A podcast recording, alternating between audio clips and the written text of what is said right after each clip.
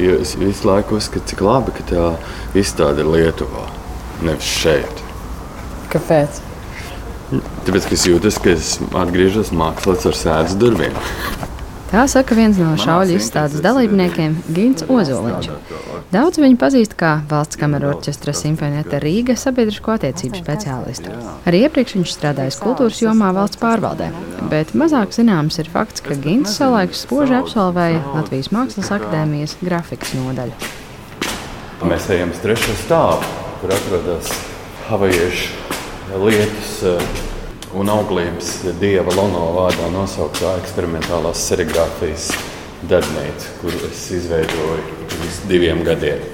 Esam bijušajās Rīgas Tehniskās Universitātes telpās Viskaļu ielā, kur tagad saimnieko biedrība Free Rīga un ir daudz mākslinieku darbnīcu, studiju un citu radošu telpu. Pandēmijas laikā te ievācās arī Gīns. Kā teica mans profesors, ar kuru es e, šajā izstādē beidzot satikos, viņš precīzi noformulēja to, ka esmu atradis rezervistu soliņā, kā hokejists. Un tā ir absolūta patiesība, jo neviens jau nevar no sevis aiziet prom. Lūk, es astoņus gadus kalpoju e, mūzikai, Orfeja dievam, un uh, iestājās šis Covid laiks, kad cilvēkiem bija dot iespēju pārdomāt savu dzīvi. Un es ātri vien eh, sakārtoju šo situāciju šādi, ka nolēmu, ka ir pienācis laiks eh, tomēr eh, neturēt sveci zem būra. Ginta Ozoliņa pieminētais profesors ir Latvijas Mākslas akadēmijas audiovizuālās mediju mākslas nodaļas vadītājs Jānis Murovskis, ar kuru šajā sižetā tiksimies pēc brīža. Pirms 18 gadiem viņš bija Ginta diplomdarba vadītājs. Tā arī bija pēdējā reize, kad ozoliņa darbi bija skatāmi izstāžu zālē. Pirmā izstāde bija laikam studentu darba izstāde 2006. vai 2007. gadā. Tā kā mans diploma darbs ar nosaukumu bojāja četri darbi lieli, arī audekls un sietspiedi. Tika izstādīti Mākslas muzeja pirmā stāva lielajā zālē. Tā kā tāda diezgan spilgta epizode, kurai sekoja ļoti ilgs aptumsuma periods. Šobrīd šis aptumsums ir noslēdzies. Aptumsums beidzies līdz ar izstādi Lietuvas pilsētā Šauļos, kurā piedalīties Gintu Ozoliņu uzaicināja Liena Bondare. Viņa ir šīs izstādes kuratore un arī viena no māksliniecēm, pazīstama ar pseidonīmu Libonda. Kopš studiju laikiem es pazīstu Gintu Ozoliņu un arī kolēģi Jānu Murovski, kurš ir bijis mums pasniedzējs. Un mūs vieno aizraušanās ar sietspiedas, jeb serigrāfijas tehniku ļoti konkrētā veidā mēs visi trīs aizraujamies ar šo konkrēto grafikas tehniku, kā stājmākslas veidu. Es esmu iedvesmojusies no supergrafiķiem, no Ojāra Petersona, Jūra Putrām un Brēžas darbiem, kas ir ļoti gleznieciski, lai gan tā ir grafika. Tas ir tas, ko mēs vēlamies. Nu, būtībā tas mūs vieno. Mēs uztveram šo sietspējas tehniku kā glezniecības veidu. Sākumā neierasts šķiet fakts, ka trīs latviešu grafiķu izstāde notiek nevis Latvijā, bet Lietuvā. Liena Bondere stāsta, ka ar šauļu galeriju viņai ir laba sadarbība jau vairākus gadus, kopš tur notika liela mākslinieces personāla izstāde. Tagad viņa šauļiem mēdz ieteikt arī citus latviešu māksliniekus, jo šī 70. gados celtā galerija vienkārši esot ļoti laba vieta mākslai. Tas ir tiešām ļoti praktisku iemeslu dēļ, jo e, Rīgā izstāžu zāles ir mazas, viņas ir ļoti noslogotas un ārkārtīgi bieži vien arī ir tomēr jāpiesaka šīs izstādes divus gadus uz priekšu.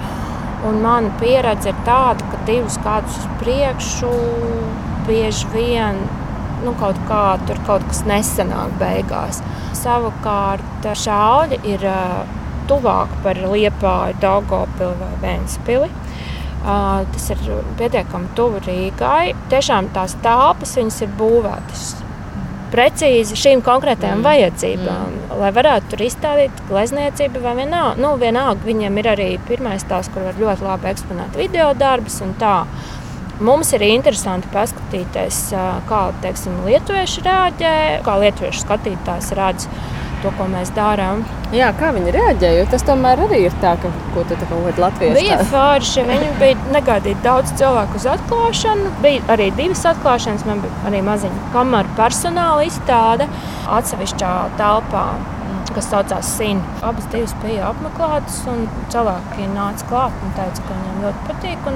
Tas, protams, ir ļoti jauki un, un rāda gandarījumu. Bet kāda Jā. bija tā izstādes ideja? Nu, kāpēc viņi sauc uz food beigu beigās? Mūs vieno arī aizraušanās dažādos. Protams, mēs ļoti esam atšķirīgi. Mums arī stils, ceļš, kā mēs esam kā mēs esam virzījušies. Murovskis strādā ļoti intuitīvi, es strādāju diezgan konceptuāli. Es slīpēju visu nost, lieko, kamēr tas darba forma un saturs, manuprāt, ir tas, ko es esmu vēlējusies pateikt. Savukārt Gīns strādā vēl savādāk. Tieši tāpat mums ir arī dzīvē, ka mēs visi uzskatām, ka dzīves svinēšanas neatņemama sastāvdaļa ir arī kulinārija un labs ēdiens. Un dzīves ir arī tomēr kaut kas vairāk, kur cilvēki satiekās un runājās un bauda viens otru klātbūtni vai ēst gatavošana arī var būt ļoti primitīva, bet var to padarīt par kaut ko vairāk. Un kolēģis Jānis Marovskis aizraujās ar vīna darināšanu, savukārt Ginta spēja radīt uh, svinības kā tādu kinematogrāfisku pasākumu. Kopš akadēmijas laikiem uh, es to esmu apbrīnojusi. Un man šķita, ka tieši šobrīd tas ir ļoti svarīgs temats, jo droši vien jau visiem ir apnicis par to Covid, bet uh, tomēr Covid ļoti ļoti attālināja cilvēkus vienam no otra un arī no šīs dzīves svinēšanas. Un, manuprāt, vēl arī šī brīža notikumi pasaulē, kā nāves ziņa, jeb tā natas, viņš ir, viņš ir pārsvarā. Un, manuprāt, Erosam arī ir jābūt. Eros izprotot arī kā šīs dzīves, kā svinēšanu. Mums ir svarīgi atjaunot šo līdzsvaru arī skatītājos, jo nu, tumsas ir par daudz. Ēdiena un dzīra tēma mākslinieku darbos ienākusi ļoti dažādi. Piemēram, Jānis Morovskis to risinājis metaforiski, caur sakām vārdiem par ēdienu. Teiksim, sviestmaize krīt ar sviestu leju vienmēr. Es uztaisīju tādu darbu, ko es tiešām uzrakstīju, kad maize krīt ar sviestu uz leju, piekārām viņa kājām gaisā, nosacīt sviestu, nosacīt maizi. Ja. Bet īstenībā tas darbs runā par to, ka sliktas lietas kļūst vēl sliktākas. Kā, ja? Vai tās angļu teiciens ir nehaud pa izlietu pienu. Latvieši būtu izliet ūdeni nesasmēls. Ja? Atkal ja? tur darbojās varbūt krāsa un, un, un tā piena materialitāte, ja, lai gan nu, tā, to piena tāda ļoti attālināta saikne var būt. Šauļu galerijā Jānis Murovskis izstādījies pirmoreiz, un arī satikšanās ar saviem studentiem, kas strādā sarežģītajā serigrāfijas tehnikā, nav bieža. Īpašs pārsteigums bijis par Ginta Ozoliņa atgriešanos mākslā. Viņš man pārsteidz, viņš man riktīgi pārsteidz, un es sapratu, ka viņš nav zaudējis neko no tā sava azartiskuma un jauneklības ar ko viņš teiksim, izcēlās iepriekšējā perioda nobeiguma darbiem, runa ir par diplomu darbiem. Ja? Ka tā, tā pieeja un tā tēmas interpretācija un, un tehnoloģiskie paņēmieni, ko viņš strādā, tas viņam asinīs, ja? un tas baigi labi nostrādāja arī šoreiz. Un mēs atkal uz brīdi atgriežamies Vīskaļos mākslinieka darbnīcā, kur saimnieko divi ginti - Gins Ozoliņš un viņa alter ego Gins von Kēle, jeb kā pats mākslinieks to izrunā. Gint von Kēle. Kēle, kas vāciski nozīmē rīkle, esot atsauce uz Ginta Vācijā nodzīvoto laiku un atlapšanu pēc kādas sevišķi nepatīkamas angīnas pieredzes. Amizanti ir arī viņa šauļu izstādē tapušo figurālo kompozīciju nosaukumi. Mūsdienās mākslas pasaule ir pietiekami sazarota un priekšplānā varbūt ir idejas, nevis formāli risinājumi, kā tas ir bijis eh, senāk, kā tas bijis teiksim, jo īpaši impresionistiem. Viņi aizrāvās ar krāsu. Un šajā gadījumā es laikam esmu ārkārtīgi, ārkārtīgi konservatīvs cilvēks.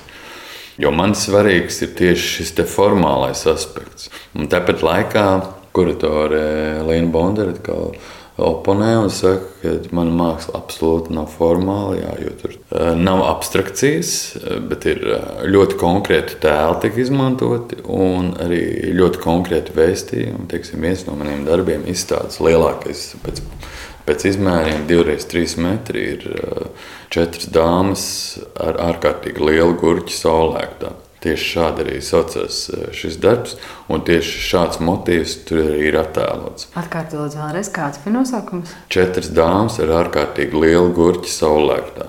Taču ko nozīmē būt vizuālajam māksliniekam un sagatavoties šādai izstādei, ja tev ir arī pilna laika darbs citā profesijā? Nu, tās jau ir detaļas.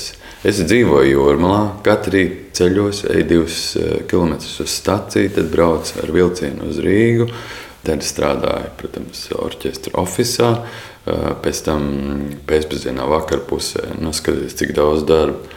Kāpju 9. autobusā, braucu uz Čīkru kalnu, ķīžzara krastā atrodas šie viskaļi, kur atrodas mana darbnīca. Un tad ar pēdējo tramvaju 23.09. no Pieturas krusta baznīcas iela, kur man jāaiziet vēl ir pusotrs kilometrs šķiet. Tad braucu uz eh, centrālo staciju, eh, tad man ir pēdējais vilciens 23.45. Eh, tad es esmu 15 pāri stacijā dzinteri, tad atkal eju ar kājām atpakaļ. Un tik gara man ir šī diena, un tik gari ir šie maršruti. Bet tas ir to vērts. Bet cik ilgi tu esi to gatavs darīt šādā režīmā? Līdz nāvei. Bet tad jau nekam citam vairs laika dzīvē neatliek. Bet kam tad jau vēl vajadzētu atlikt laiks? Tas ir pats galvenais, kas man ir. Mākslinieku, kuri strādā ar sietspiedi kā stāju mākslas veidu, nevis izmanto to krekliņu vai lietu sargu apdrukai, Latvijā ir maz. Tam vajadzīgs speciāls ietspiedas darbnīca un pamatīgs aprīkojums, tāpēc vēl kāds maizes darbs ir vairumam mākslinieku. Piemēram, šauļu izstādes kuratore un māksliniece Liena Bondara daudzus gadus strādājusi par zīmēšanas pasniedzēju Rīgas dizaina un mākslas vidusskolā. Aicināt nesen pie grafiķa arodu atgriezušos kolēģi Gintu Ozoliņu piedalīties kopīgā izstādē bija arī viņas solidaritātes žests. Jo vizuālās mākslas nozarē ir ārkārtīgi niecīgs finansējums. Par to ir jārunā. Es atļaušos par to arī runāt būt vizuālajam māksliniekam, tas ir ļoti dārgs, laikietilpīgs un ļoti sarežģīta profesija, jo mākslinieks ir profesija. Mēs ilgi mācāmies, mēs uzkrājam pieredzi. Tam ir jāvelta ļoti daudz laika un enerģijas. Un, bieži vien atdeve nav tāda, kādu mēs varbūt vēlamies. Un, mākslas tirgus Latvijā praktiski nav. Līdz ar to, tādēļ, ka Latvijā nav šis mākslas tirgus un normāls profesionālais atbalsts, ko nezinu, muzejs maksā honorāru māksliniekam par izstādīšanos un tā tālāk. Šie procesi visi ir ļoti, ļoti sarežģīti, un līdz ar to es vienkārši zinu, cik grūti tas nāk, cik daudz tas prasa gan emocionālos, gan fizisko, gan, gan arī materiālos līdzekļus. Un tādēļ tīri cilvēciski un kolēģiāli es vienkārši saprotu šo situāciju.